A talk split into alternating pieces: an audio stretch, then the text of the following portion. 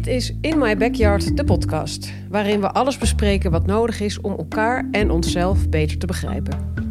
We hebben het ook bij In My Backyard al wekenlang over corona. Dat kun je zien en horen. Kijk maar op www.inmybackyard.nl/slash nieuws. Maar we hadden ook nog twee interessante podcasts liggen van voor corona.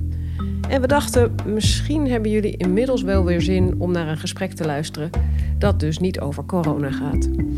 In deze podcast hebben we het over ik, wij, nee zeggen, je moeder blij maken, de was ophangen, je eigen weg gaan, van die dingen.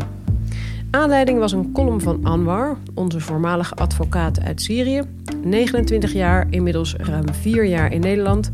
En hij is student en columnist. En ook Emre Uzun, Amsterdams jeugdpsycholoog, kind van Turkse ouders, die we zagen in het fantastische tweeluik terug naar de Akbarstraat van Gulsha Dogan en Felix Rottenberg. Ook aan tafel zitten Anja Čonkic van In My Backyard. Zij is afkomstig uit ex-Jugoslavië. En Masha Voet, 23 jaar en geboren in Amsterdam. Nou, welkom allemaal. We hebben een hele volle tafel vandaag. Um, Anwar, we, we, beginnen met jou. Jij schrijft columns uh, en vandaag lees je er eentje voor die gaat over aan de ander denken. Klopt. Yes. Ga gang. Dank je wel. Altijd aan de ander denken vind ik nog steeds een goede Syrische eigenschap. Ik bel een Nederlands vriend. Kan ik vanavond bij jou komen? De vriend denkt na. Heb ik tijd voor de bezoek? Heb ik zin in het bezoek? Ben ik klaar voor het bezoek? Daarna volgt het antwoord. Een Nederlander heeft geleerd aan zichzelf te denken. Van mijn Nederlandse vrienden hebben er veel gescheiden ouders. Uit school hoor ik dan. Ik ga naar mijn moeder vandaag. Ze kijken er niet verdrietig bij.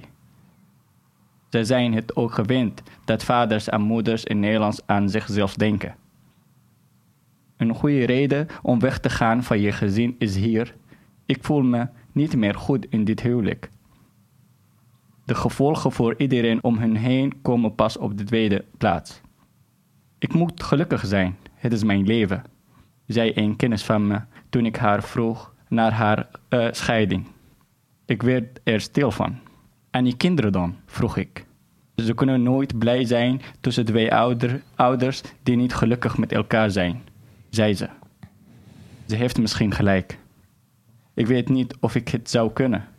Een beslissing nemen voor mezelf is heel moeilijk als je opgevoed bent met denken aan de schaamte, eer, familie, buren, aan de toekomst. Ik dacht eerder dat ik liever geen vriendin wilde waarvan haar ouders gescheiden zijn. Ze is misschien slecht opgevoed en heeft weinig aandacht gekregen. Nu ben ik bevriend met een meisje met gescheiden ouders. Ze was toen nog heel klein. Ze is slim, aardig, lief en onafhankelijk van haar ouders. Ik zie in haar de kinderen van gescheiden ouders ook goed terecht kunnen komen. Altijd aan de ander denken vind ik nog steeds een goede Syrische eigenschap. Van Nederlanders neem ik over dat je daar grenzen aan kunt stellen. Je eigen leven kapot maken om anderen tevreden te houden, dat hoeft niet. Dankjewel. Mooi. Hoe lang geleden heb je dit geschreven? Uh, een paar maanden geleden, dus vijf maanden geleden, ja. Was je echt zo verbaasd over hoe Nederlandse mensen met elkaar omgaan? Bijvoorbeeld dat ze af en toe scheiden? Uh, die column uh, precies heb ik geschreven uh, toen ik mijn, een vriend van mij zei tegen mij: Ik ga naar mijn moeder. En toen voelde ik me een beetje schuldig dat ik hem gevraagd heb: Waar ga je naartoe? En ik voelde me een beetje ongemakkelijk. En is hij verdrietig? Is hij boos? En waarom heb ik dat gedaan? En mijn, alle gedachten over mijn, toen ik klein was en hoe heb ik geleerd en hoe heb ik opgevoed over, over ouderen en, en kinderen en, en, en, en familie.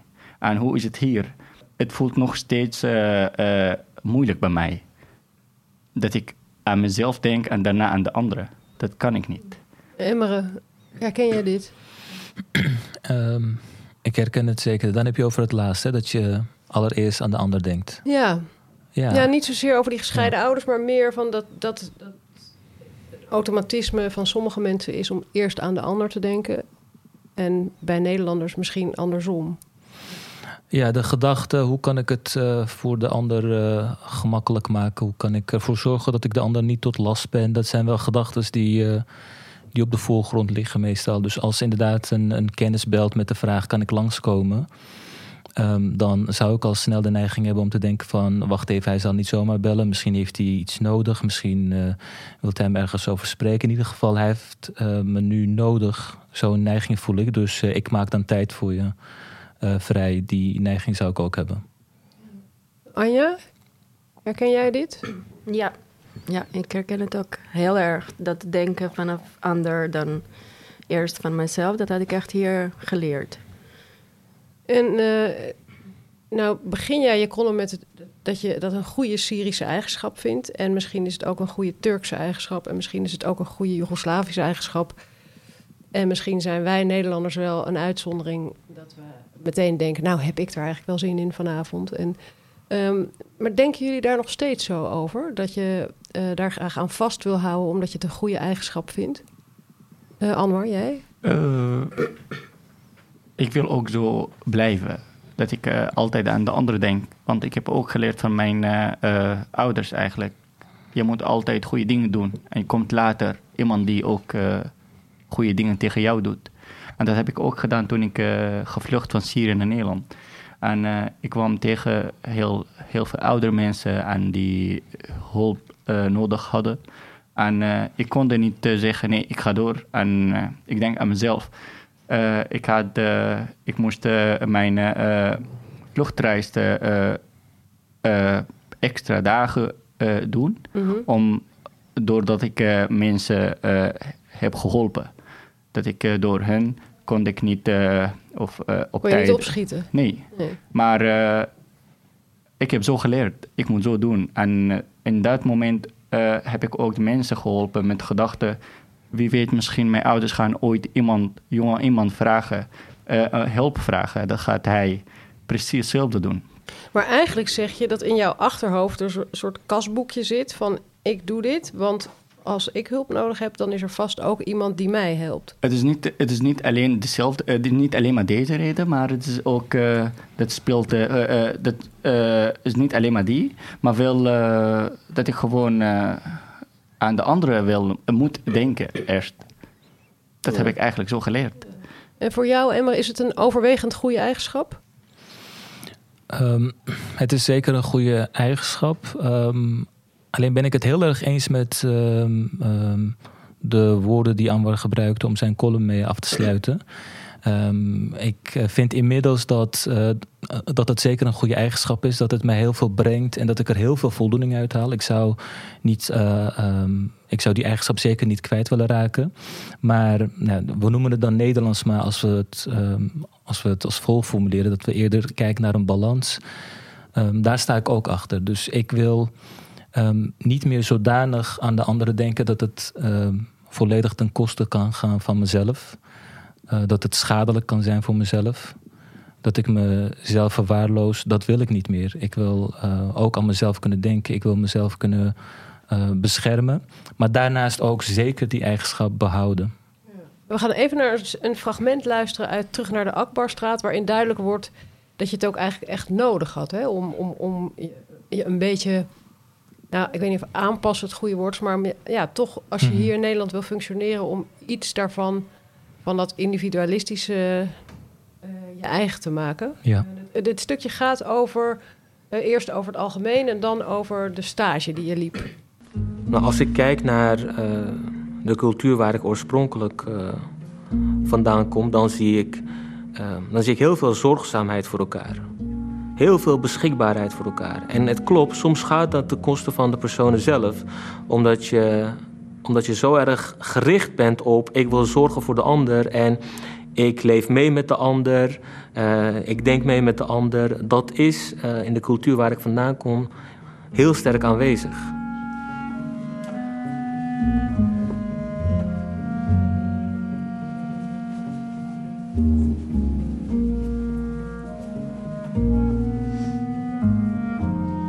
Wat ik met de tijd heb geleerd is om ook een beetje bij mezelf te blijven van wat wil ik, wat voel ik. Ik heb stage gelopen bij een geestelijke gezondheidszorginstelling. Een praktijk waar uh, kinderen en jeugdigen terecht kunnen met hele verschillende problemen, dingen waar ze tegenaan lopen. Ik ken het er niet zo heel veel uit. Die stageperiode was ook de periode waar ik mijzelf echt meerdere malen ben tegengekomen. Al snel kwam er een gesprek met de directeur over het feit uh, dat ik onvoldoende zichtbaar was. Ehm, houdt, En dat het bij hem en bij uh, verschillende collega's overkwam alsof ik daar met tegenzin zat of alsof ik onvoldoende gemotiveerd was. die is aan het werk. Ik dacht de volgende dag ben ik zichtbaar. Als dat moet, dan ben ik dat. Maar zonder eigenlijk te weten wat het is en hoe je dat doet. En ik weet nog dat ik ook uh, een beetje heb opgezocht van zichtbaar zijn, wat is dat? Maar dat is dan zo'n abstracte term. Er is geen handleiding, er is geen beschrijving, een concrete omschrijving van als je, uh, als je de volgende dingen doet, dan ben je zichtbaar genoeg. Dus dat was voor mij ontzettend lastig. Um, Emre kwam binnen als stagiaire bij ons en toen was ik zijn stagebegeleiding. En toen was jij gewoon nog psycholoog in opleiding? Ja. Ja, ja dat is mijn uh, afstudeerstage op de universiteit. Mm. Kan jij verklaren waar dat, dat ge gebrek aan, zicht, aan zichtbaarheid vandaan kwam? Nou, ik heb er inmiddels wel heel vaak over nagedacht uh, waar dat vandaan kwam. En ik denk dat het vooral te maken heeft met dat ik heel erg heb geleerd om, um, om bescheiden te zijn, om respectvol te zijn, om eigenlijk in dienst van de ander wel beschikbaar te zijn, maar zelf wel weinig te verwachten en eigenlijk je gezegend te voelen met wat je hebt. En dat waren aan de ene kant wel krachten, maar tegelijkertijd ook wel was het niet heel erg dat je dan hebt geleerd om jezelf op de voorgrond te plaatsen en eigenlijk ook durft aan te geven van hé, hey, ik heb hier ook recht op. Ja. Uh, even een heel simpel voorbeeld dat je binnenkomt en eigenlijk even heel duidelijk hooi roept. Op je eigen manier. Dat is een onderdeel van zichtbaar zijn. Ja, ik vind dat je het heel goed uitlegt. En wat ik me afvroeg eigenlijk is, heeft het je ook iets opgeleverd? Dat je je meer bent bezig gaan houden met wat je zelf eigenlijk wil? Of wat me iets heeft opgeleverd nou, dat uh, Kijk, aan de ene kant, zichtbaar... je beschrijft... ik moest dat doen, ik moest meer van mezelf laten zien... omdat mm -hmm. mijn werkgever dat vroeg. Maar heeft het jou ook iets opgeleverd? Dat je meer met die vraag bezig ging? Wat wil ik zelf eigenlijk? Het heeft mij heel veel opgeleverd en het levert mij nog steeds heel veel op, uh, uh, vind ik ook. Kijk, die eigenschap uh, aan anderen denken, dat zit zodanig in mij, dat krijg je er niet uit. En ik vind het een hele nodige, mooie eigenschap. Waarvan ik ook dagelijks merk dat het me heel veel brengt. Dus ik zou er ook niet af, van af willen komen. Maar wat ik wel merk is dat als ik er ook een. Um, begrenzing bij kan hebben. Als ik op momenten nee kan zeggen omdat ik even aan mezelf moet denken, dan merk ik dat ik in zijn geheel een beter mens ben. Want ik, ik functioneer beter, ik denk meer helder, ik doe meer aan zelfzorg. Um, wat mij weer helpt om ook aan anderen te kunnen denken. En um, niet alleen de jongeren met wie ik werk, maar ook uh, kennissen, vrienden, om, om voor hen beschikbaar te zijn. Ja. Marcia, nou wil het geval dat jij bij ons stage loopt. Wat, wat, wat denk jij als je dit, dit hoort? Um, ik heb het gevoel dat bij ons heel veel draait om wat wil je zelf eigenlijk allemaal. Klopt ja, dat? Ja, dat denk ik ook wel. Um, ik ben heel erg opgevoed vanuit het uh, onafhankelijk zijn en aan mezelf denken en uh, ja, sterk in mijn schoenen staan. Um, nog steeds eigenlijk. En daar sta ik ook deels achter. Maar ik denk wel dat in Nederland uh, soms mensen te veel bezig zijn met zichzelf. En uh, iets te weinig kijken naar de groep of naar andere mensen. Herken je wat Anwar en Emre vertellen van als je een vriend belt of een vriendin, dat uh, als je een Nederlander belt, dat hij dan misschien eerst denkt van, nou, heb ik daar eigenlijk zin in? Ja, nee, nou. Ja, liever. ik denk het wel. Ik denk dat, in, uh, ja, dat mensen heel erg aan hun planning of aan hun agenda uh, vasthouden. En dat er niet heel veel ruimte is voor spa- spontaniteit altijd. En, en dat... is, is jou geleerd om grenzen te stellen? Ja, zeker. Ja. Ja. Um... En, en wat uh, Emre en, en eigenlijk Anwar beschrijven... dat je lid van een groep bent, of het nou een familie is... of een community of een clan... Of, Hou jij rekening met je familie? Ja, zeker mijn gezin eh, wel. Daar ben ik heel hecht mee en eh, eh, daar houden we zeker rekening met elkaar. Maar de, gro- de, de grotere familie wel wat minder, denk ik. Ehm, het is wel belangrijk, maar het is niet iets wat eh, heel veel wordt benadrukt. Of, eh, Je mag ook iets af- afwijkends vinden. Of ja, precies. Ja. Of ik hoef niet altijd Nee. op verjaardagen te zijn. Of, Sterker nog, ik heb het zelf als Ja. kind, maar ook als, nu ik zelf kinderen heb, merk ik dat het heel erg in Nederland geprezen wordt. Als je juist durft af te wijken van de groepsgedachten en dat je je eigen pad kiest. Dat is toch echt wel een heel ander verhaal. ja, heel erg ja, je, je eigen pad bewandelen en eh, zelfstandig zijn. Eh, En- maar als ja. je dit hoort, eh, klinkt daar dan ook iets aantrekkelijks in? Ja, zeker. Ja. Wat? ja, meer het groepsgevoel en meer ook aan anderen denken. Ik denk dat dat ook heel verrijkend kan zijn. En eh, ja, die spontaniteit, die, die mis ik wel echt als Nederlander eh, af en toe. Het inderdaad even bellen en langs kunnen komen.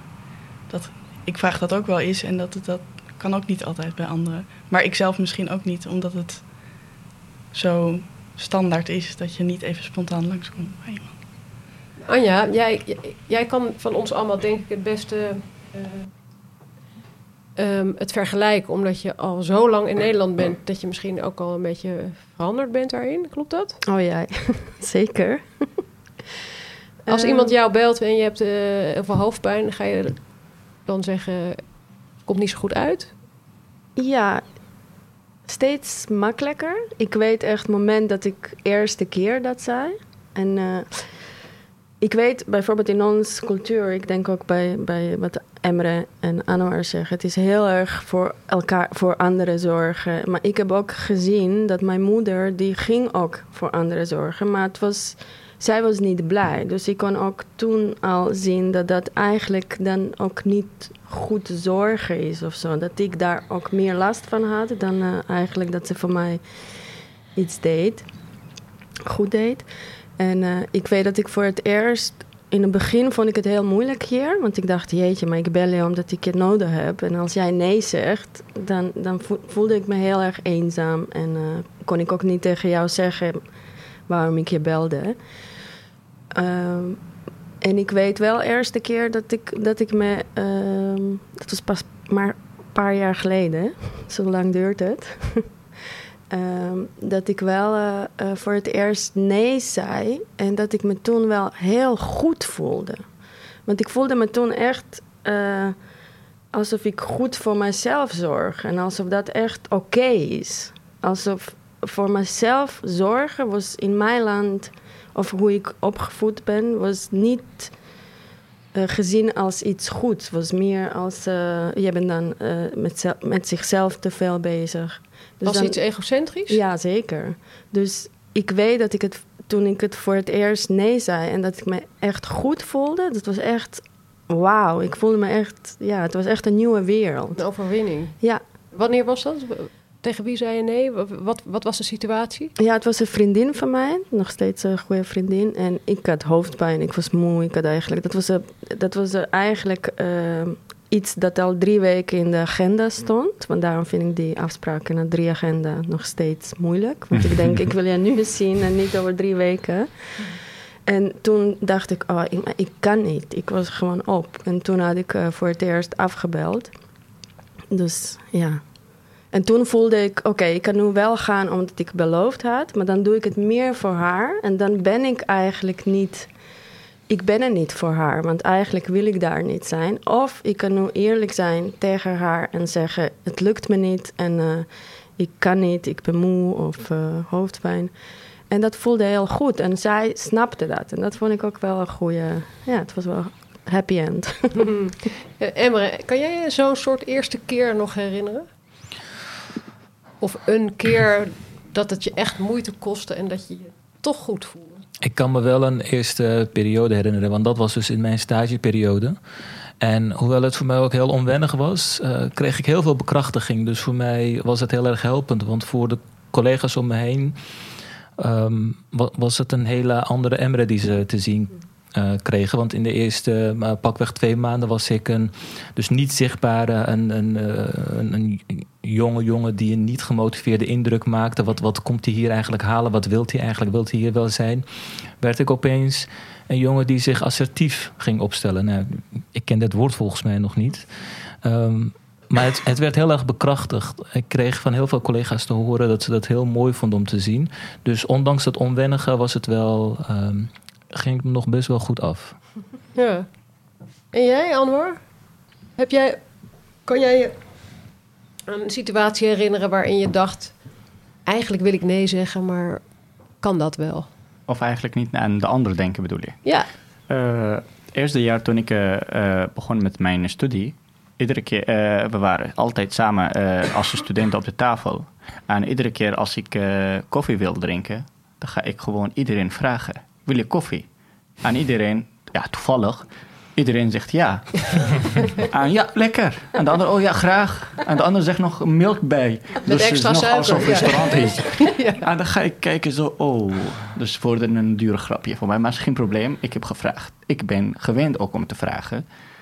En uh, dat, dat, uh, dat eigenlijk gebeurt altijd. En uh, toevallig was het goede vriend van mij. Hij wilde, hij is op de andere dag, hij ging gewoon naar de koffieapparaat. Heeft voor zichzelf koffie besteld. En is na, naast mij gekomen. En met één kopje koffie? Met één kopje koffie, zonder te vragen. toen voelde ik echt niet goed. Niet omdat ik koffie wil, maar omdat het hoort bij ik heb, jou, ik heb voor jou een paar keer koffie ge gekocht. En het gaat niet om geld. Het gaat om waarom heb je niet mij gevraagd. En je gaat sowieso vanwege beleefdheid nee zeggen. Want ik heb dat vaak gezegd en vaak kreeg Terwijl je ik eigenlijk niks. wel koffie wilde. Uh, het is, gaat om een vraag. Dat Ja. je aan mij denkt. Maar zelfs dan, bij je antwoord, ga je dus rekening houden met de ander. Precies. Dan ga ik tuurlijk nee zeggen, want hij is student. Ja. En ik ben ook student, maar misschien ben ik aan het werken, hij niet. Maar ik ga Maar die anderen zeiden onbeschaamd gewoon ja als jij het vroeg. Ja, als ik zeg koffie, dan zeg je ja, lekker. En ook als ik eh, aan iemand niet vraag, dan gaat hij ook roepen. Oh ja, maar dat is prima, precies. En, eh, maar ik heb eh, na een tijdje besloot ik om, ik ga precies hetzelfde doen. En we waren op de tafel en eh, ging ik meteen eh, naar de, ging ik gewoon spontaan en, naar de koffieapparaat, koffie gekocht en ik ging terug. Maar niemand kijkt me aan. En het is een soort van, alsof er gewoon niks aan de hand. Maar ik voelde me in dat moment ook niet goed. Ook als het gewoon, gewoon hier. Maar voor mij is, wat heb ik gedaan nu? Waarom heb ik de mensen niet gevraagd? Misschien wilde iemand iets. Of misschien wilde iemand, eh, eh, als iemand naar mij koffie kijkt en hij wilde koffie en hij heeft geen geld voor, dat, dan kan ik niet genieten van mijn koffie. En toen, wat heb je toen En toen gedaan? heb ik gewoon eh, mijn koffie zo gelaten op de tafel. Ik wilde ook niet drinken. Maar toen heb ik ook met andere vriend over gehad. Waarom doen jullie dat? Hij zei, eh, je hoeft niet te doen, hè? Ik zei, ja, maar oké, ik, ik doe het graag. Maar waarom vragen jullie dat niet? Hij zei, omdat wij niks eh, moeten. En ze denken meteen, eh, het gaat om voor moed. Maar eh, het, is, eh, het is voor, ik denk, voor de Nederlanders is een beetje... eh, waarom ga ik eh, eh, 4 euro voor jou betalen, bijvoorbeeld, of eh, voor mijn vrienden? Iedereen heeft geld, iedereen kan eh, gewoon eh, koffie pakken. Ik ga niet voor jullie koffie halen. Maar dat, dat, dat- zo heb ik niet geleerd.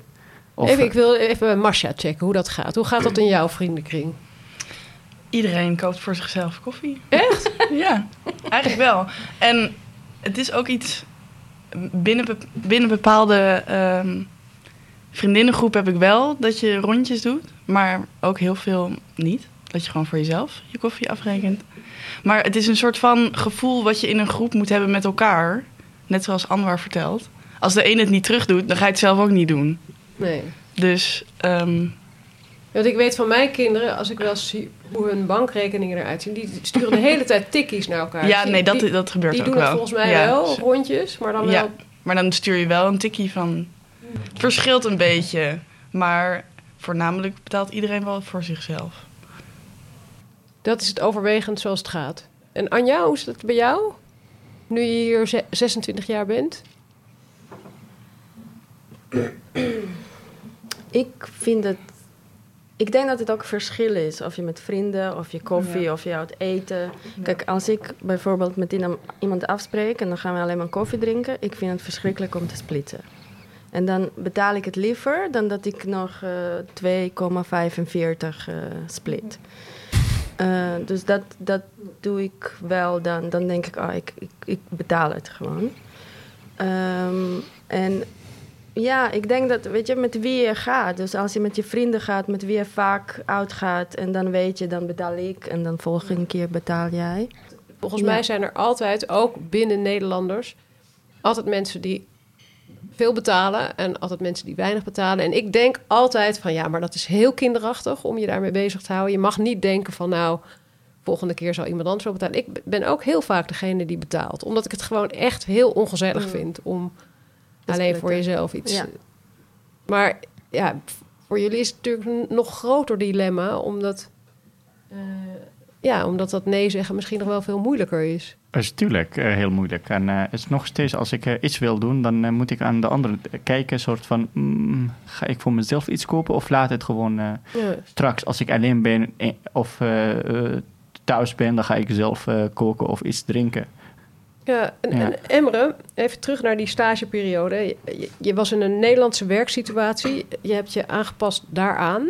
Eh, en je vond het zelf ook wel fijn. Mhm. Maar hoe was dat binnen jouw Turkse familie? Zagen zij dat jij veranderde? Ja, dat zagen ze zeker. Ze zeiden eh, ook wel letterlijk, je bent eh, aan het, ik weet niet of dit woord bestaat, maar vernederlandsen. Ehm, maar dat, was dat een compliment? Dat was een compliment. Want Oh. mijn, ehm, mijn ouders waren er heel erg op gericht dat ik, even tussen aanhalingstekens, de Nederlandse kant op ging. Namelijk eh, studeren, ergens werken, de maatschappij in en jezelf redden. eh, even zo kort door de bocht. Dus toen ze dat aan me zagen, ze hebben, ze het ook gezien als iets sterks. Van dat ehm, uit onze cultuur, dat zit in jou, dat heb jij. Ehm, en dat anderen erbij krijgen, dat is, ehm, dat is heel krachtig. Want dan kan je overleven. Zo hebben zij het gezien. En zo, zo voelde het voor mij ook. En eh, gedraag jij anders als je met je ouders of je familie bent... dan als je met Nederlanders bent? Nederlanders, eh, Nederlanders, ik bedoel, jij bent natuurlijk ook een Nederlander, maar... Er is, eh, er is zeker een periode geweest waarin er zo'n splitsing leek te zijn. Maar inmiddels denk ik wel dat ik richting een beetje een stabiele Emre eh, naartoe ga. Want bij mijn collega's kan ik, eh, kan ik me gewoon uiten zoals ik wil. Ik ben, ik ben Emre die, die bepaalde normen en waarden heeft meegekregen van de ene cultuur. En ik heb hier iets meegekregen. En zo kan ik ook bij mijn ouders zijn. Ik heb heel veel van jullie ontvangen. Maar daarnaast heb ik ook gestudeerd en ik werk in een Nederlandse instelling. Dus ik heb ook daar bepaalde dingen geleerd. En ehm, als je dat nog niet doet, bestaat er dus de angst dat je ehm, op beide plekken kan worden afgewezen eh, door vaardigheden die je dan zou missen. Maar pas als je het inzet, en natuurlijk moet je daar dan wel de juiste eh, ja, mensen in je omgeving voor hebben. Uh, maar dan zie je ook dat er uh, wel degelijk acceptatie is en dat je jezelf kunt zijn. Nou dat bekrachtigt het alleen maar. En dat is voor mij nu zeker wel al een paar jaar zo dat ik voel dat ik daarin juist bekrachtigd word om juist beide kanten te kunnen laten zien. Dat ik in mijn werk, waarin, um, waarin het voornamelijk wit is, maar de cliënten zijn ontzettend divers. Uh, dus Want als je ik, werkt met kinderen? Ik werk met kinderen Ja. en jongeren en die hebben hele diverse etnische achtergronden. Um, dan kan ik de persoon zijn die iets over, uh, ik noem maar wat, een Marokkaanse jongen kan zeggen van dit is daar gebruikelijk. Dan denk ik, oh ja, dit, dit deel van mij om deze jongeren beter te begrijpen, dit is heel waardevol hier. Dat missen we hier. Ja. Je, je bent daar sensitiever voor. Ja. Ja, dus nou, zoals je het zegt, dat zie ik nu eerder als een uh, kracht dan uh, iets wat mij zou kunnen belemmeren. En, en hoe zit dat bij jou, Anwar? Heb, heb jij, uh, als je bijvoorbeeld, uh, je, je, spreekt je moeder heel vaak hè, door de telefoon. Ja. Uh, merkt zij aan jou dat je bent veranderd? Uh, ik denk niet, nee. Niet omdat ik uh, niet veranderd ben, maar omdat ik. Uh, ja, ik weet het niet. Het is moeilijk bij mijn moeder. Of misschien ben je tegen haar wel heel Syrisch. Dat zou ook kunnen. Dat sowieso. Ja, ik. Uh, ik jij, jij, vertelde vorige keer namelijk Moeilijk dat vraag. je eigenlijk niet altijd tegen haar vertelt hoe het echt met je gaat. Omdat Ja. je bang bent om haar teleur te stellen of haar ongerust te maken. Is dat een voorbeeld van altijd aan de ander denken? Ja, kijk, wat heeft net Emra gezegd? Het is, uh, De Nederlanders zijn gericht om eh, te werken en studeren en uh, zelf redden. En als ik dat beeld ga doorgeven aan mijn moeder, dat gaat ze meteen denken: oh, hij is alleen, hij, hij heeft moeilijk, hij moet zorgen, hij moet heel veel dingen doen. En mijn zoon is alleen, oh, hij heeft geen hulp. En dus ik, in haar ogen blijf ik liever de Syrische Anwar. Die is, heeft heel veel, ja, lieve mensen sowieso. ik heb heel veel you know, omheen. Maar het is die, die van alles heeft. En beter dan tegen haar te zeggen: Ja, moeder, ik moet nog die doen, die doen en die betalen. En ik moet, anders red ik dat niet. en ik heb net een vriend gebeld en precies, die wil ja, gewoon hij niet wil zien. niet. Nee. Dus voor haar is meer: Oh, wat een leven.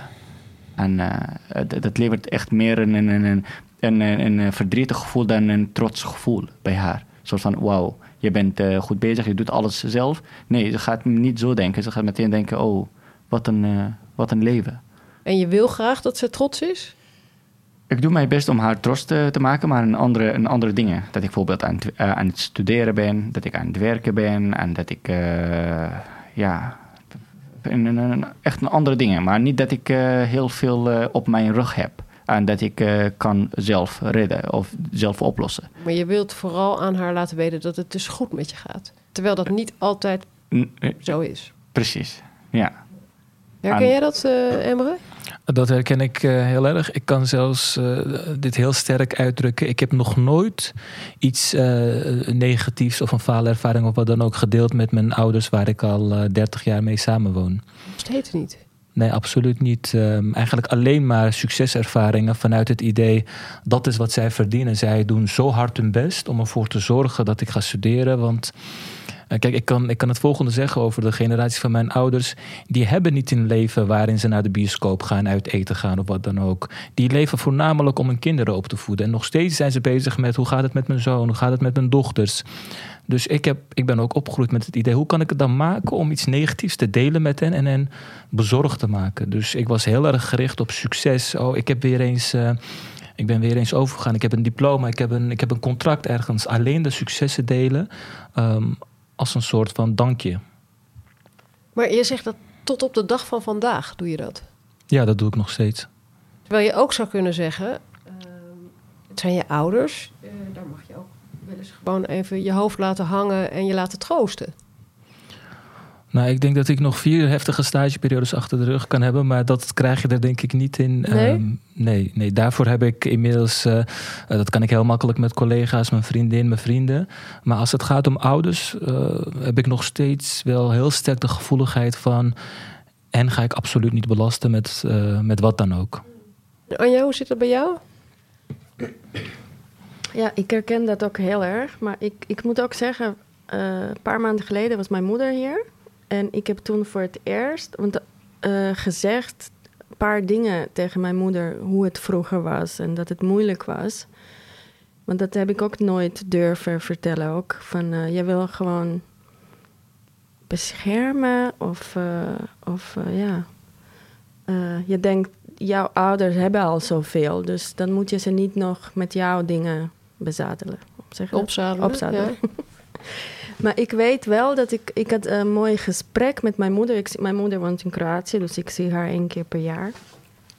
En uh, ik weet dat we... Uh, het was heel gezellig. Ze komt dan voor echt vijf weken. En dan is het ook wel soms heel veel. Dan zie je haar het hele jaar niet. en dan zit ze vijf weken in jouw huis. Dus het is soms ook challenge om uh, met elkaar wel... op vriendelijke manier... Nee, grapje. Maar toen, toen zaten we, het was één avondje en toen hadden we echt uh, gesprekken. En toen, ik weet niet hoe, maar we hadden, ik voelde me zo groot. Ik denk dat het ook is, want ik voel me nu echt grote, sterke vrouw. Ik, misschien daar is het ook. Dus ik had haar niet nodig om mij te steunen in mijn, in mijn probleem of in mijn ervaringen. Dus ik weet dat ik het toen deelde, want zij vroeg ook, maar hoe was het eigenlijk? Of ze zei, ja, maar je hebt het altijd heel makkelijk gehad, zei ze.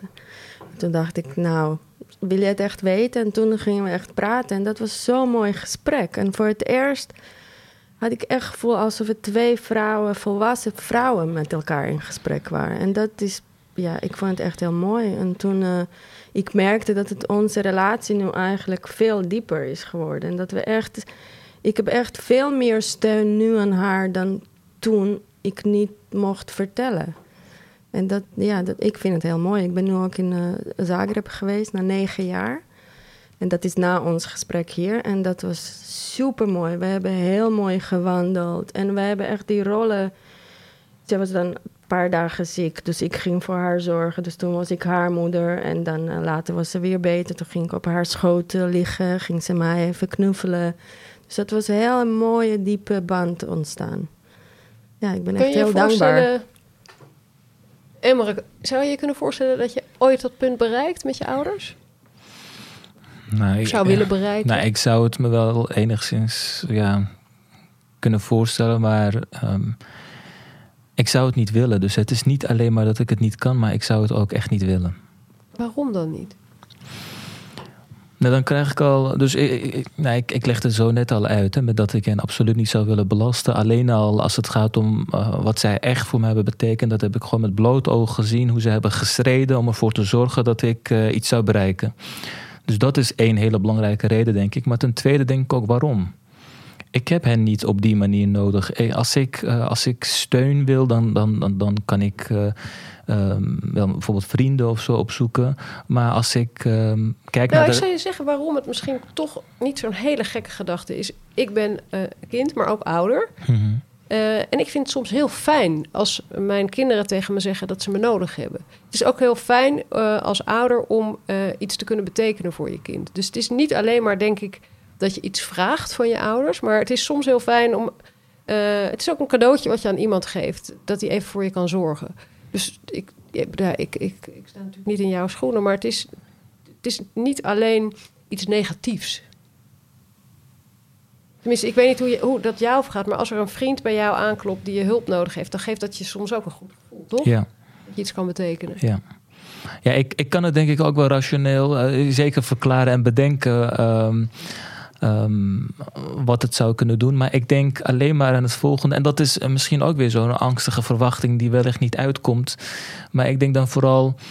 ehm, zij zullen zich zo verantwoordelijk opstellen, misschien ook wel ergens schuldig bij voelen. Want dat is, dat is heel erg gebruikelijk. Als ik aangeef dat ik ergens mee zit of dat er iets niet goed gaat, dan zullen mijn beide ouders zich eigenlijk heel schuldig voelen, ook vooral met zijn wij tekortgeschoten. En dat, dat, dat hele ehm, proces zou ik hen niet gunnen. Of misschien huilen. Bijvoorbeeld als ik tegen eh, het- ooit, eh, ik zag bijvoorbeeld eh, eh, mijn moeder is heel gevoelig eh, eh, meisje in mijn ogen. Eh, Ja, is niet, eh, eh, het is, eh, als, als het iets erg is, gaat ze meteen huilen. Maar eh, ik wil dat beeld niet meer zien. Ik kan niet tegen haar zeggen, ja, weet je moeder, ik ben, ik heb, ik ben een beetje moe. En eh, dat gaat ze echt zeker meteen huilen. En dat, dat, wil ik niet meer. Ook risico nemen, dat het dat gaat Nee. eh, misschien... Nee, dat wil ik niet. Daar schiet je dan ook niet zoveel mee op, natuurlijk. Maar dit wat Anwar zegt, herken ik heel erg. Dus het is eh, misschien ook wel... eh, kijk, ik hou er sowieso niet van om dingen te bestempelen als Nederlands of niet Nee, Nederlands. nee, nee. Dat, Maar ehm, ik denk dat het ook eh, je zorgen maken in het Nederlands nog wat anders is dan Ja. in de cultuur waar ik vandaan kom. Daar, daar is het, daar als we het hebben over je zorgen maken, kan het echt heel intens en heel groot zijn. Ehm, dat je ook gaat denken, waar ben ik aan begonnen? Maar, maar Ja, ken ik jij dat? Ik herken ook zo, je wil... Kijk, jij maakt je zorgen over je moeder, maar dat hoort dan in onze bloed. Wij Mhm. zorgen voor die ander, maar die moeder, die zorgt over ons. Dus dat is het ook, dat cultuur van voor elkaar zorgen. Niemand eigenlijk voor zichzelf.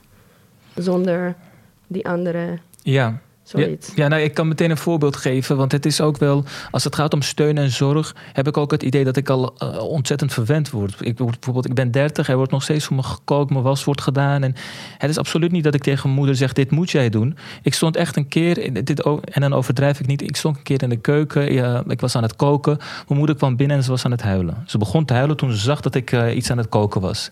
En ze zei. Dit is echt gebeurd. Ze zei: ehm, Ik ben er toch voor je. Ik, mag, ik maak toch eten voor je. Jij werkt en dan kom je thuis en dan heb je je moeder die voor jou kookt. En dan ben ik 30 jaar oud. En ik denk: Als jij zo naar mij kijkt, dan ga ik jou niet nog verder belasten. Dan, dan zorg ik er maar voor dat ik voor de rest goed functioneer en dat jij gewoon trots op me kunt zijn. Masha, Ja. hoe, hoe oud ben jij? 23. Kookt jouw moeder nog voor je? Nee. zou, je dat, eh, zou je dat willen, zo'n situatie, zoals Emre?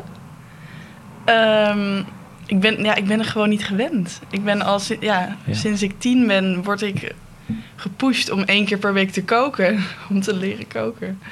En om ook eh, ja, Voor jezelf te zorgen. voor mezelf te zorgen eigenlijk vanaf jongs af aan al. En eh, ik ben ook heel vroeg al, heel vroeg al uit huis gegaan. Om gewoon zelfstandig voor mezelf te zorgen eigenlijk. Omdat je dat leuk vond. Ja, ook. Ja. Ja, zeker. Ja. En het is niet zo dat je je moeder iets onthoudt als je haar dat niet laat doen. Nee, helemaal niet. Nee. En eh, Anwar, jij zou dat volgens mij best wel willen. Een moeder die voor je kookt en je was doet. Ja, en ik ben ook op zoek naar een, een moeder die gaat voor mij koken. Ja, bij deze. nee, maar bedoel, jij kwam best van een koude kermis thuis toen je hier eh, in Nederland kwam en opeens tot de conclusie kwam dat het best veel werk is om je eigen was te doen, te koken. Toch? Het is, het is nog steeds eigenlijk. Ja. Ook als ik eh, bijvoorbeeld thuis ben. Het is niet alleen maar, oh, het is eh, alles geregeld. Het is echt heel veel dingen te doen. En Ja. daar heb ik heel veel respect. En daar eigenlijk heb ik heel veel respect voor, mij, voor alle vrouwen. In dit geval. In Maar de ook. Nederlandse mannen doen dat ook hoor. Ja, eh, en, eh, alle vrouwen in de wereld, behalve Nederland. En, en de mannen in Nederland, want ze gaan koken. Dus, eh, en, eh, dus eh, nu besef ik hoe echt eh, eh, veel werk is. En eh, ik mis heel erg de, de, de, de liefde en de aandacht van mijn moeder. Van, eh, en eh, en eh, ja, dus eh, dat. En hoe ga je dat dan eigenlijk oplossen? Een vriendinnetje zoeken. want, eh, want Die mijn lekker moeder, kan koken. Ja, ja nee, dat niet. Ja, En, veel eh, succes hoor. Een vrouw die, voor alles, eh, die alles voor je gaat doen. Nee, nee, nee. nee. Dat, eh, dat heeft ook eh, een tijdje geleden. eh, mijn eh, zei mijn moeder tegen mij. Ik was met haar video aan het bellen. En tegelijkertijd de, de was aan het hangen. En zegt: eh, Wanneer ga je trouwen? Ik, ik, eh, ik weet wat ze bedoelt. Om wanneer ga je trouwen. Dus je Wanneer gaat zitten en gaat, was eh, voor je ophangen? Je liefde de was ophangen. Wordt nog beter, netjes. En eh, ik zei: Ja, eh, binnenkort. Wil je dat ik, eh, ja, wil je dat ik eh, eentje voor jou ga sturen? Ik zei, moeder, het is niet Zalando, het is niet schoenen, ga je voor mij schoenen. ik moet echt, eh, toen moest ik echt alle, alle kleren laten En ze was daar serieus in. Ja, ze was heel serieus. Maar voor, voor haar gedachte is een oplossing. Maar hoe? Dat moet ik zelf weten. Ze gaat wel zoeken. Bijvoorbeeld, ja, ik heb eentje voor jou. Dat gaat uh, zielige Anwar alles fixen en kijken hoe Maar en is wat. zij nu, as we speak, in Syrië Nee, nee, nee. nee. Ik zei tegen haar, het is mijn eh, taak en het is mijn leven, moeder. En eh, niet dat ik t- aan het twijfelen over haar keuzes. Totaal niet, maar wel, het is gewoon... ik, ik ga eerst proberen. Als het niet lukt, dan gaan we voor eh, de bestelling een rondje doen. Een soort van, eh, mag ik eentje Ja. bestellen, moeder? En in haar gedachten is het veel makkelijker. En, en ze... ja, want is voor haar is iemand alleen te wonen, het is heel moeilijk. Want bij haar zegt nog steeds, de man is geboren om een vrouw te beschermen. En de vrouw is geboren om de man ook te beschermen. Eh, dat niet. dat, eh, dat, nee, nee, Nee. totaal niet. Maar het is meer eh, elkaar volledig te maken. Ja. En dat eh, geloof ik nog steeds in. Niemand is volledig. Maar helaas, we zijn in een land dat iedereen eh, eh, wordt opgevoed eh, om echt erg eh, onafhankelijk te zijn. Ja. En eh, om vo- volledig te, te zijn. Ah, maar Nou dat ja, gaat dat brengt me wel op het volgende onderwerp. Dat ik me kan voorstellen dat het in relaties ook wel heel belangrijk is. eh, hoe je je opstelt. Hoe zit dat bij jou? Is, Wie is de Ehm, baas? je hebt een baas? hele mooie vriendin bij je. Ja, die ehm, je nu aankijkt van... Hier gaan we het niet over hebben. dus ik kan geen foute antwoorden. eh, Nee, maar ik kan me voorstellen... Zou het ingewikkeld zijn om een vriendin te hebben... die uit een hele andere cultuur komt... als het gaat om voor elkaar zorgen? Nou ja, ik denk dat het zeker ingewikkeld kan zijn, omdat, het, eh, omdat je. Ja, op bepaalde manier eh, elkaar gaat tegenkomen, onwennigheden. Maar ook als ik naar mijn vriendin nu kijk, ehm, zij heeft ook gestudeerd, zij werkt als psycholoog. Dus ehm, als wij kijken naar hoe wij ons eh, leven gaan vormgeven, als wij zo meteen eh, samenwonen, dan gaan we het ook indelen als in we doen het samen. We kijken naar hoe gaan we eh, zorgen voor een goede rollenverdeling. Wanneer heb jij een vrijavond, wanneer kan ik koken. Ehm, dus ik sta ook zeker achter al die dingen. Dus als het gaat om elkaar compleet maken, dat vind ik denk ik inmiddels al een beetje ouderwets, omdat. Nogmaals, zij heeft ook gestudeerd en zij, zij werkt ook. Dus ik, wij zijn ook van plan om zeker te kijken naar een eh, Ja. ideale rollenverdeling. Maar kan je een beetje koken dan, als jouw moeder dat elke dag doet? Mag ik antwoord geven? Ja? Nee, eigenlijk. Ja? Oh. Ze zegt ja. Zegt ja. Nou, ik, heb al meerdere malen mogen experimenteren en dan zeg ik het zelf. Volgens mij was het best wel eetbaar. eh. ja. ja. Ja, nou fijn dat ze knikt. Ja. eh. Ja, maar dat is Ja. precies eigenlijk de reden dat ik tegen mijn moeder zei: eh, ik ga zelf zoeken, want eh, ik weet hoe het, eh, het leven hier gaat. Ik, wil, ik ben niet op zoek naar een, een vrouw die gaat eh, 24 uur thuis blijven totdat Anwar terugkomt. Ik wil ook dat, want één hand gaat niet klappen. Ik zoek een andere hand die samen gaan. en, dus daarom, als ik deze beeld aan mijn moeder ga vertellen, eh, zij gaat, ik ga doen. En eh, eh, vandaag is mijn buurt, morgen is haar buurt. is voor haar een beetje te veel. Dus nee, moeder, laat het. Ik ga zelf eh, oplossen. Want ik weet hoe het hier gaat. En ik wil ook een, een, een vrouw die is ondersteuning voor mij. En, en niet afhankelijk van mij. Dus een vrouw die ik voor haar heel veel dingen kan betekenen. En ondersteunen en, en ook aandacht geven, en, maar ook nemen. Niet dat ik eh, gewoon de, de oplossing voor haar ben. Als Anwar naar huis komt, dat dus gaat ademen en we gaan naar buiten en we gaan eh, winkelen. Zo is het niet. En eh, gelukkig, eh, thuis waren wij ook zo ni- niet. Maar dat cultuur bestaat wel. Maar het is, dat is een beetje oude generatie. Maar nog steeds zie je een beetje veel bij mensen. En, maar niet om, omdat ik in Nederland ben, dan ben ik iets anders. Maar ik heb het gezien wat voor effect heeft dat voor de man, voor, dat, voor de vrouw. Dat eh, jouw vrouw gaat ook werken, dat jouw vrouw ook ondersteunt met een, een, een, betalen aan een, een huishouden. En dat is ook eh, fijn om ook mee te doen en, en helpen. Het is geen eh, vrouwelijke taak of mannelijke taak. Want dat heb ik ook hier geleerd in Nederland. Toen ik de eerste keer in de bus eh, ging en de chauffeur was een vrouw. Voor mij was het gewoon... eh, ik bleef inchecken, uitchecken om naar haar te kijken. Eh, is het... Is het, is het eh, eh, ben je een vrouw echt? En was voor mij, oh, is het echt een, chauffeur, maar het is een vrouw. Eh, toen, toen besef ik hoe het mooi is. Het kan ook een chauffeur zijn, kan ook politieagent zijn. Het kan van alles zijn. Want ook, en, eh, het is gewoon een, een, vrijheid om, om jezelf te zijn. Dat vind ik heel fijn. En dat gun, ik, gun ik ook eh, voor iedereen. Voor, en begin ik ook van mijn landgenoot. Dat iedereen moet zo, zo zijn. Ja. Ik wil nog één stukje laten horen van Emre uit Terug naar de Akbarstraat. Eh, dat gaat over je kinderen. Je kinderen? Ja, dat gaat over eh, hoe je dat later met je kinderen zou willen doen. Ik heb geen kinderen. Kijk even naar Welke kinderen? onze kinderen. Net als eigenlijk mijn ouders gun ik mijn toekomstige kinderen alles wat ik te bieden heb, maar ook eh, dingen die ik zelf heb moeten missen. Ik zou hen bijvoorbeeld meer gunnen dat ze opgroeien in een, in een wat gemengdere wijk. Dat ze van beide culturen voldoende meekrijgen en dat ook kunnen meenemen in het vormen van een identiteit. Dus als het gaat om zelfbeeld, als het gaat om zichtbaarheid of, of kwetsbaarheid. Dus dat ze eigenlijk alle waarden die er zijn zoveel mogelijk meekrijgen. Ben jij zelf nu eigenlijk ook al de mix geworden die je je kinderen... Eh, nee, dat denk ik niet. Ehm, ik denk. eh, Ja, ik geloof niet zo heel erg in het woord uh, uh, ja, mixen. Ook al gebruik ik hem wel. Um, wat ik daarmee vooral bedoel is dat ik mijn kinderen vanaf het begin zou gunnen dat ze van beide cultu culturen van alles meekrijgen. Kijk, ik heb tot ongeveer mijn twintigste moeten wachten tot ik uh, de, weer even tussen aanhalingstekens, de Nederlandse waarde echt duidelijk begon te krijgen. En toen was het zo onwennig dat ik bijna mijn stageperiode verpestte. Dus uh, dat zou ik mijn eigen kinderen niet gunnen. Dat ze vanaf het begin wel een Hmm. beeld krijgen van uh, wat hebben we hier uh, mee te maken.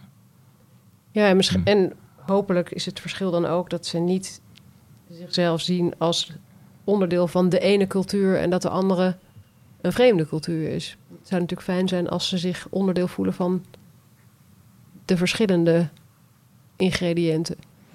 Ja, ja, de, Tenminste, ja ik, weet, ik weet niet. Zou je je kinderen Turks opvoeden? Of zou je dan toch een verschil maken van, nou, dit is deze waarden die horen bij ons en onze familie en dit is Nederlands? Of zou je juist willen dat zij een nieuwe generatie zijn die net zo goed. Uh... Ja, ik zou hen denk ik. Um, Um, exact willen meegeven wat ik zelf heb uh, meegenomen vanuit uh, de waarden die mijn ouders me hebben meegegeven en de waarden die ik heb moeten leren op een best een, ja, een beetje een harde manier, maar die wel heel erg nodig waren. En dat zou ik niet bestempelen als een Turkse of Nederlandse opvoeding, maar eerder een, een, een globale cultuur waarin je ontwikkelt. Um, tot een mens die gewoon functioneert naar behoren, die voldoende voor zichzelf kan zorgen, maar de ander absoluut niet vergeet. Ja, maar ik denk dat de manier waarop jij je ouders beschrijft echt best wel bijzonder is. Ik ken ook wel voorbeelden van mensen met een andere achtergrond, waarbij de ouders het ingewikkeld vinden als hun kind, ik doe nu aanhalingstekens, Mhm. uh-huh. vernederlandst. Ja. Uh, dus ik kan me ook voorstellen dat het niet uh, altijd gezien wordt door je, je, ouders of je opa en oma als een verrijking, maar ook als iets, ja, een soort, een soort verraad. Ja. Zie je dat wel eens om je heen? Um, ik zie het wel eens om me heen. En dat heeft eigenlijk vooral te maken met, uh, met angst voor het vreemde. Um, het, het, hetgene wat je al uh, kent, um, dat zijn de hele veilige waarden. En dat zorgt voor de herkenbaarheid en dat zorgt nogmaals voor veiligheid. En als je daarvan begint af, te stappen, dan um, ontstaat er ergens ook de angst dat je ook gaat afstappen van de identiteit en van de oorspronkelijke cultuur. Um, inmiddels is het gelukkig wel zo dat als jij stappen gaat zetten, dat dat niet hoeft te betekenen dat jij je he hele identiteit gaat kwijtraken. Want kijk naar mij, ik ben al vijf jaar werkzaam in een als ik het zo mag zeggen, ja, grotendeels een witte organisatie. Ik leer daar ontzettend veel, maar ik ben ook de Emre zoals ik ben opgevoed, opgevoed door mijn ouders. De waarden die ik heb meegekregen, die waardeer ik enorm. En die zou en, en, en kan ik niet ook kwijtraken. En waarschijnlijk leren mensen in die organisatie ook veel van jou. Ja, dat ik hoop ik wel. Ja. En Anwar, heb jij wel eens het gevoel dat je jezelf kwijtraakt in die ingewikkelde, nou ja, mix, noem ik het dan toch maar even, van, van de waarden die je kent en de nieuwe waarden die hier tegenkomt? Uh, kijk, mijn, uh, mijn uh, waarde, of ja, noem maar een waarde dat ik kwijtraak, dat, daar ben ik niet bang dat ik kwijtraak. Want ik ga sowieso niet kwijtraken. Want ik, nee, nee, nee dat ik ben, snap ik, ja, maar het, het, ik kan me voorstellen dat het verwarrend kan zijn. Een beetje wel. En mensen ook, uh, kijk, uh, uh, toen ik begon ook met columns schrijven en over, van, over alles vertellen. En ik word ook vaak gezien als verraad in mijn, van mijn landgenoten. Dat, dat ik echt een Nederlander word en dat ik, ja, dat ik slecht ben. En, maar het is maar voor waarom mij, dan? Om, omdat je er zo openhartig over bent? Dat wel. En uh, ik ben niet, uh, kijk, in mijn, uh, wat ik schrijf, ik ben niet, niet ik ben niet altijd niet positief of negatief, maar ik ben niet dus iemand die alleen maar aan het positieve dingen aan het vertellen. Mhm. Mm -hmm. Of slijmbal of zoiets. maar dus ik ben ook soms pittig, ook over, tegen mezelf. Ook als het fout, fout is, krom is krom. Dus ik, ik zeg het meteen, ook als het gaat om, uh, uh, over mijn ouders. Soms, uh, ik heb ooit ook een, een, column geschreven en ik heb ook mijn ouders als een voorbeeld genoemd. Maar niet omdat ik slecht ben, maar omdat ik gewoon eh, een, een, een, een, gevoel heb, dat moet gewoon zo gebeuren. Maar dat, eh, dat durf ik niet in Syrië te doen. Niet omdat ik het niet eh, kon, maar omdat ik gewoon in Nederland geleerd heb. Je moet gewoon over alles vertellen. En, eh, en, en, en het, eh, het, is, het is gewoon jouw mening en het is gewoon jouw leven. Maar als ik dat wil, eh, als ik dat doe, dan voel ik me ook een beetje dat gewoon apart gezet. Niet in, in, in jullie ogen. Ik ga ook in dit geval jullie en wij Nee, gebruiken. niet. Niet in jullie ogen, maar in, in onze ogen. En dat vind ik soms Ja. pijnlijk. Of het is, eh, je kan niet. Het, het is, mm, ik, een, een, een, een eh, woord mixen. Het is, eh, voor mij is, gaat een beetje, het lukt nog steeds niet. Ik moet of eh, Nederlandse versie zijn of Syrische versie zijn. Maar ik neem wel een, een, een, nieuwe waarde van jullie. Dat sowieso. Ik leer heel veel van jullie. En we zijn natuurlijk... we zijn niet van de hemel gevallen en ook niet naar de hemel gevlucht. Iedereen heeft fouten. Maar ik neem eh, nu, ik ben in een fase dat ik, eh, wat is het beste in mijn ogen? Wat kan ik eh, nog bewaren en wat ik nog kan nemen om uiteindelijk een, een, een, een goede eh, eh, eh, eh, collectie heb en om, Ja. om door te geven. Ja. Juiste vlag. En, En- en eh, Emre, als je Anwar zo hoort, zijn er adviezen die je hem zou kunnen geven? Ja, mijn allereerste advies zou zijn: ehm, je kunt een, een mix wel nastreven, maar dat blijft ingewikkeld. Ik denk zelfs als wij weer 50 jaar verder zijn, dan nog ben je op zoek naar die mix. Want dan nog kan je een punt bereiken dat je denkt: hé, hey, volgens mij heb ik nu een soort van een balans. En dan kan je de volgende dag iets meemaken of iets horen dat je denkt: ja, maar wat is dit nu weer? Dit, dit ken ik ook niet. Dus ik denk, kijk, we hebben het eh, net ook een beetje over verwarring gehad. Ik denk dat verwarring eh, heel positief is. Want verwarring duidt denk ik op, op ontwikkeling. Want je kunt je terugtrekken in de waarden die je al kent en de dingen die je al kent. En denken, eh, met alles wat ik verder niet ken, daar wil ik niks mee te maken hebben. Dan voorkom je wel dat je, dat je verward raakt. Maar dan blijf je daar wel in vastzitten. Dus ik denk juist erop uitgaan, de dingen doen waarvan jij denkt: eh, dit ken ik helemaal niet, maar ik ga het toch proberen, want ik wil ook weten wat het is. Dan ga je verward raken. Dan gaat het onwennig voelen. Dat gaat gewoon niet op de makkelijke manier. Ja, mooi. Ja. Kijk, eh, Anja, eh, hoe, hoe zit het met jouw verwarring? Eh, ik vind het heel mooi hoe Emre dat zegt. En eh, eh, ik, ik hou van verwarringen. Want dat is echt iets wat je echt terug naar, naar jezelf, naar jouw eigen waarde, naar je eigen passie van waarom ben ik hier en wat vind ik eigenlijk mooi, eh, wat, wat wil ik eigenlijk, wat, eh, wat, wat drijft, me- ja, ik kan nog niet praten, wat, eh, drijft mij, ja? ja. Drijft me. En ja, het wist bijvoorbeeld niet het wist, maar ik weet wat mij heel veel heeft geholpen om echt naar, daar naar, naar voren te kijken. Echt even naar voren kijken en niet te veel kijken naar wat ben ik allemaal kwijt en eh, eh, wat is hier anders eh, in een negatieve manier, zeg maar. Maar eigenlijk meer open zijn, hé, maar waarom doen ze dat? En wat kan ik hier vanuit halen? En hoe voel ik daarmee? Dus dat ik echt open ben, meer open ben geworden en min kijken, oh, past dat wel bij mij of past het niet? En dat ik steeds meer naar mijn eigen, mijn eigen collage meer compleet aan het maken ben. En, eh, en ook weet dat het ook verandert. Dus wat ik nu eh, mooi vind, kan morgen ook niet meer kloppen. En dat dat oké is. Ja, maar dat is eigenlijk wat Emma zegt. Als je maar nieuwsgierig blijft, dan... eh, Ja, en Is dat je weet gewoon... Ja, dat, Eh, Masha, zijn wij eigenlijk wel verward genoeg? Is de vraag. Ik denk dat wij wel wat meer verward mogen zijn. Ja, toch? Ja. Ja. Dat denk ik ook. Ja. ja, dat vind ik wel een mooie conclusie van dit gesprek. Ja. Zeker. Want als ik jullie hoor over die, dat voor elkaar zorgen, dan voelt het, ik weet niet hoe het bij jou zit, Masha, maar alsof wij daar echt wel een beetje meer voor open zouden kunnen staan. En ehm, dat is ook ingewikkeld, omdat als je van jongs af aan doordrenkt bent met van je moet altijd voelen hoe voelt dat voor jou en eh, nooit van iemand afhankelijk zijn. En ja, dat, dat, gaat, ook niet, eh, oh dat gaat ook niet vanzelf. Maar ehm, dank jullie wel voor dit eh, inspirerende gesprek. Ja, graag gedaan. Graag gedaan.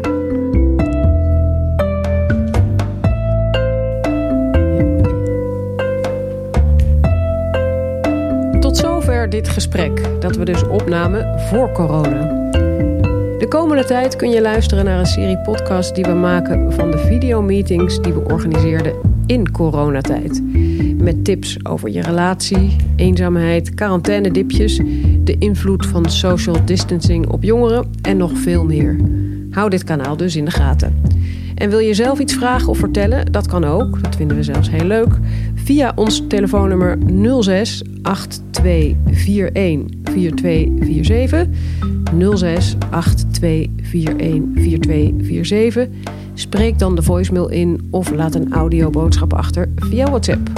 Je kunt ook mailen naar info@inmybackyard.nl.